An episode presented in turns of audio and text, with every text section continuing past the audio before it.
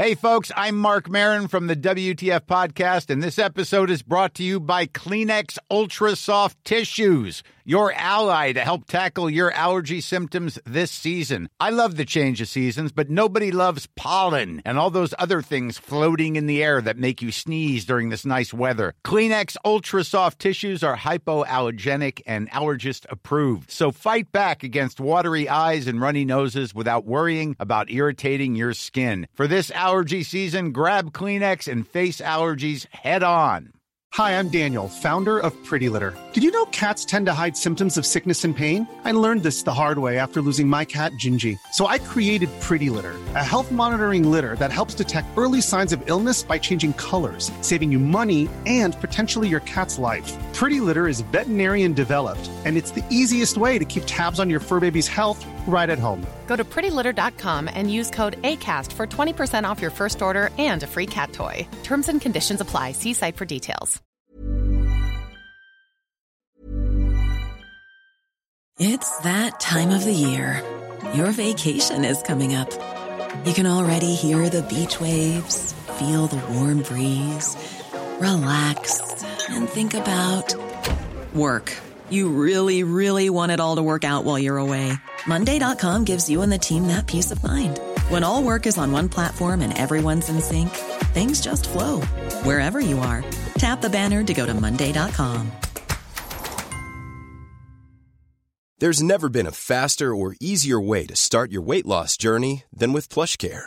PlushCare accepts most insurance plans and gives you online access to board-certified physicians who can prescribe FDA-approved weight loss medications like Wigovi and Zepbound for those who qualify. Take charge of your health and speak with a board-certified physician about a weight loss plan that's right for you. Get started today at plushcare.com slash weight loss. That's plushcare.com slash weight loss. plushcare.com slash weight loss.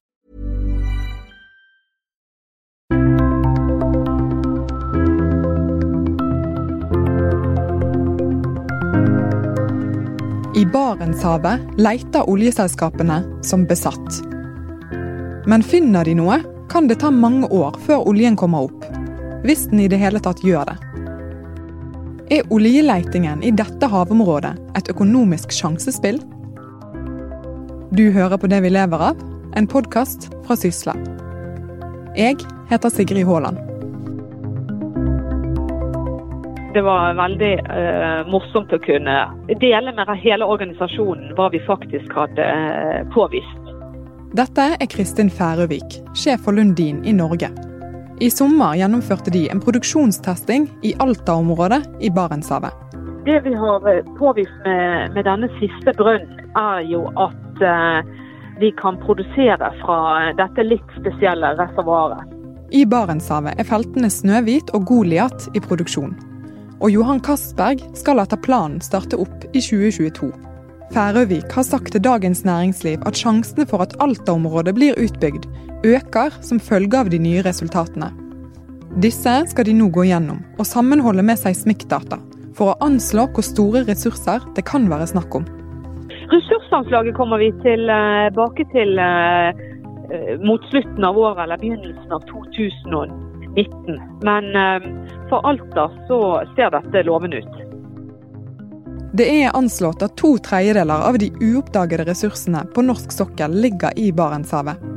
Og selv om de store funnene har uteblitt de siste årene, så pågår leteaktiviteten der for fullt. Men mange mener at man tar store sjanser ved å leite nettopp der. Og det er nettopp denne økonomiske risikoen vi nå skal snakke om.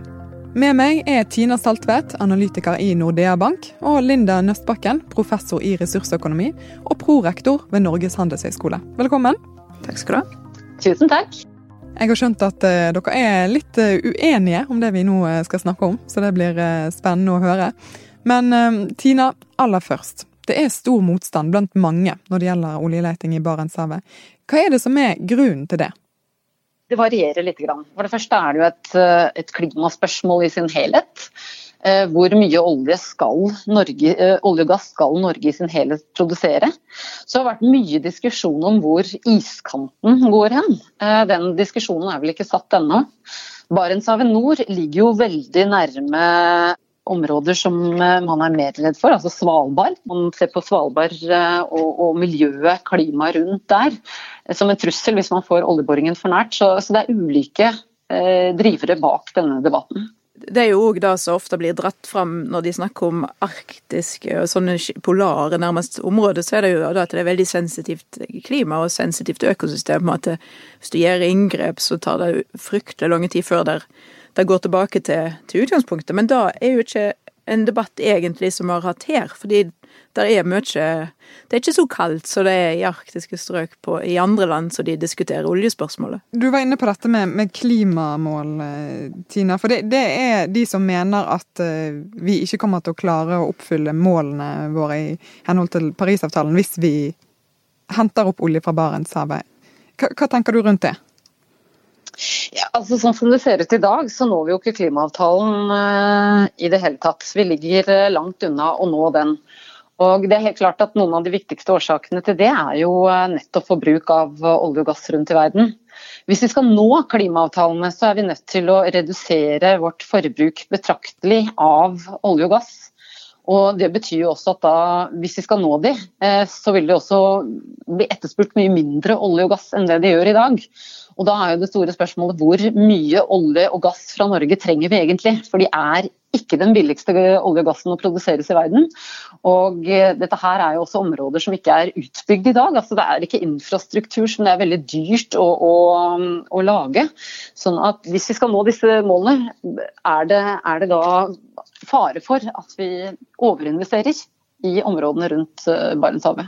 At man får et scenario der man må prioritere mellom forskjellige områder, og så velger man bort det som er i Barentshavet fordi den er dyrere enn resten av norsk sokkel? Ja, Kanskje ikke så mye dyrere akkurat å bore etter olje der, eh, det tror jeg nok ikke. Men utfordringen er jo for Barentshavet at det ikke er noe infrastruktur per dags dato.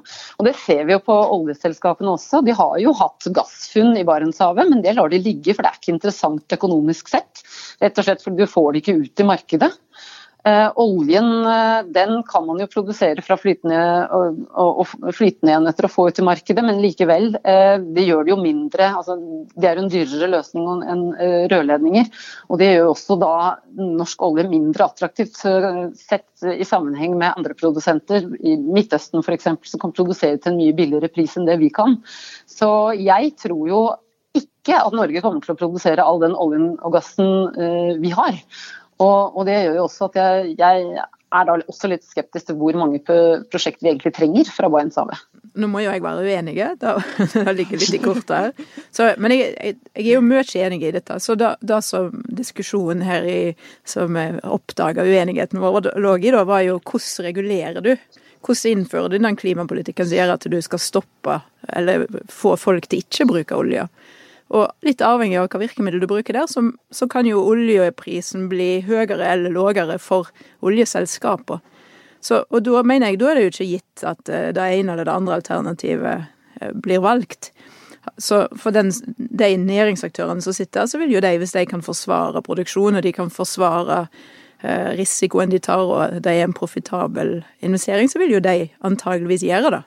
Da var det det går i. Og så er da spørsmålet ja, vil de, vil de da investere når du ruller oss fram 5 og 10 og 20 år fram i tid?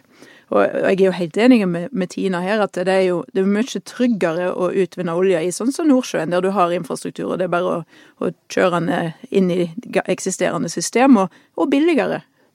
Uh, og tar du investeringer så langt nord, så er det veldig mye som skal på plass, og da skal det jo mye mer oppsider til før du faktisk våger deg på det. Og det er vel det som gjør at eh, Tina, nå snakker jeg litt for henne, eh, er skeptiske. Er det ikke det? Altså Det jeg er skeptisk til, det er ikke investeringer som skjer nå på, på eller altså prosjekter som skal igangsettes nå de, de, nærmeste årene. De kommer til å komme, og der har man fått kostnadene mye ned. Men her snakker jeg om den oljen som skal ut i markedet fra 2030 og videre utover. Og Det vi vet i Norge, det er jo at Eh, det tar i snitt ti år fra du begynner et prosjekt til oljen er ute i markedet. Så sånn som Johan Sverdrup som ble funnet for ti år siden, eh, den oljen kommer nå ut i markedet på starten, altså sånn rundt 2020. Eh, den kommer til å komme uansett, men det er den oljen som skal letes frem og begynt å bli produsert etter dette, som jeg er mer bekymret for. Fordi at investeringene følger gjerne oljeprisen med, lite, med, en liten sånn tidsforskyvning. Hvis vi hadde hatt et felles, sånn ideelt sett hadde hatt et felles mål som vi skulle nå i 2040 eller 2050 om hvor mye olje vi skulle produsere, og alle verdens oljeselskaper innrettet seg etter det, så ville jo, altså, det ville jo ikke vært noe problem med investeringer eller de prosjektene som ble igangsatt. Fordi eh, da ville man jo kunne, også for en investor, komme med en god avkastning. Eh, men utfordringen er jo at vi investerer mye tidligere. altså Vi investerer nå, og investeringene de, eh, de følger jo gjerne oljeprisen nå eller i de nærmeste årene. Eh, men det tar jo lang tid for den oljen som vi nå skal begynne å lete etter. og, og Den kommer jo ikke i produksjon for tidligst om ti år. De investeringene er jo ikke tilrettelagt til den oljen vi trenger i 2040. Den, den følger jo mer investeringene og prisene nå. slik at Utfordringen nå, sånn som jeg ser det, er at man overinvesterer. Noe investeringer skal til for å, for å, kunne, for å kunne, dekke den etterspørselen som skal til, til og med under klimaavtalen. Men faren er at du overinvesterer, for vi er i en sånn oppgangsperiode nå. Men hvis dette her er da et sjansespill, eh, hvordan tenker selskapene da, når de er med på denne store leteaksjonen? Altså, Hvor mye har de å tape på dette her? Hva sjansespill det er for selskap. Og de, eh, det er jo, jeg er jo enig med det som tidligere har sagt, det tar jo lang tid fra du begynner å lete til du finner olje, til du har bygd ut prosjektet og du begynner faktisk å pumpe opp olje og selge olje. Når det er sagt, så er jo produksjonsprofilene så at du typisk får opp veldig mye av olja de første åra. Sånn at det, eh, vi trenger ikke se 30 år fram i tid, det er kanskje nok å se 15 år fram i tid. Eh, men, og så har vi jo sett disse her syklene som Tina snakker om. Da kjenner jo oljeselskapet til òg. Så kan vi si at ja, men de ler jo ikke, men det er jo vanskelig å koordinere. Men de tar nok hødde for det, sant? for de har jo sittet før. Så det som det er i sånne situasjoner, er jo at du bygger jo ut trinn for trinn. Så, så, du investerer jo ikke alt på dag én. Og så kan du jo lære da hvordan verden er, og så kan du vurdere vil du da investere mer. Vil du legge ned mer penger? Og så ser du hva som skjer, og så kan du ta neste, neste steg. Så, sånn sett så risikerer jo oljeselskapene litt, men de investerer jo ikke alt i dag. Så de, det er jo grenser for hvor mye de risikerer i hvert, i hvert trinn. Men så får, risikerer jo også norsk stat noe, fordi at um, altså en del av letekostnadene dekkes jo av den norske staten. Man får tilbakebetalt noe uh, uansett. Eh, dette såkalte sunk-kost, altså de kostnadene man pådrar, pådrar, seg før man i det hele tatt bestemmer om man skal begynne å produsere eller ved et felt, det er kostnader som også skal dekkes. Uh, og noen tar jo det tapet hvis ikke det blir et felt som blir utbygd. Så, så det er jo ikke snakk om at altså hvis man i det hele tatt begynner å, å lete, og, så, så, er det jo kostnader knyttet til det også, som er store kostnader. Mm, og det er jo en veldig relevant diskusjon der, der hvordan Norge og den norske stat går inn og vurderer sånn risiko. For de, de må jo godkjenne på planene før de på en måte gir den blankofullmakten. Ja, og det har de jo gjort. Og bare da med å åpne felt òg, så ligger det jo i kortet at de, de, er interessert i å ta neste steg. Ellers hadde de jo aldri kunnet gjort det. Men, men hvis man nå eh, eh kommer eh, i det scenarioet at man, man fortsetter denne leteaktiviteten nå, og den som er planlagt, men, men så av en eller annen grunn så, så, får man ikke hentet opp denne oljen. Altså, Hvor store tap er det egentlig snakk om da? Altså for den norske stat og for selskapene? Jeg syns det er et umulig spørsmål å svare på. For hvis, hvis Norge velger å la noe som har en stor verdi for Norge ligge i, i, bakken, så er det jo fordi de mener alternativet, å la olja ligge under, havet, hav, i, under havbunnen, er bedre. Sant? Så da, må jo, da er verdien av ikke gjøre noe høyest. Helst hadde vi ikke gjort det. Så eh, da vil jeg jo si, jeg si at nei, da taper vi ingenting. For ellers hadde vi ikke valgt sånn som vi gjorde. Så, men, men, vi kan jo omsette disse her eh, reservene som de har funnet, og som går an å få ut, og som kunne vært lønnsomme i kroner og øre. Eh, det våger ikke jeg meg på, for det er utrolig mye usikkerhet med framtidige oljepriser og kostnader og utbyggingskostnader og investeringer for å få alt ut til markedet og alt som skal til det er jo det med de verdiberegningene rundt fremtidige Altså verdien på fremtidige reserver det, eller ressurser og reserver er det helt egentlig ganske umulig å si noe om. Fordi at det avhenger så mye av når du begynner et prosjekt, hvor mye du velger ut å ta ut, altså over hvor lang tid har du tenkt å la produksjonen gå. Hva er prisen på olje og gass den dagen du tar det opp. Eh, og det vil selvfølgelig avhenge av når du starter og over hvilket tidsperspektiv du, du legger produksjonen. Sånn at eh, det er nesten en umulig oppgave å si noe om det. Mm. Men da at vi har olje der, og vi har opsjonen å gå inn og hente den ut, og vi kan få ny teknologi som gjør at ting ser helt annerledes ut, òg på oljefronten, det har jo en verdi i seg sjøl, selv, selv om vi aldri kommer til å produsere den olja. For Norges del også, så er det jo klart at det vi ikke har begynt å regne på også, er jo den alternative verdien på olje. altså Fordi at vi nå begynner å se klimaendringene og hvilke kostnader det gir, så er jo det en kostnad som ikke er tatt inn i regnskapet ennå. Det kunne jo kanskje vært interessant å begynne å ta den også med i det totale regnskapet, for å se hvor lønnsomt det faktisk blir fremover. Vi får, eh, vi får, ta en ny podkast, tenker jeg, i sånn 2030. Og så ser vi eh, hvem som har fått rett, og eh, hvor, hvor, uenige dere er da. Hva tenker dere om det? Helt enige, da. Topp, vi gjør det. takk for at dere var med, begge to. Tusen takk.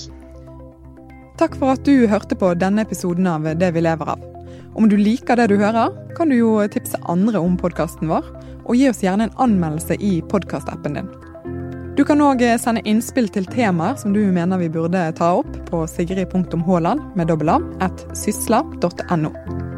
Vi er tilbake om en uke. I mellomtiden så kan du jo sjekke ut BTs nyhetspodkast BT20.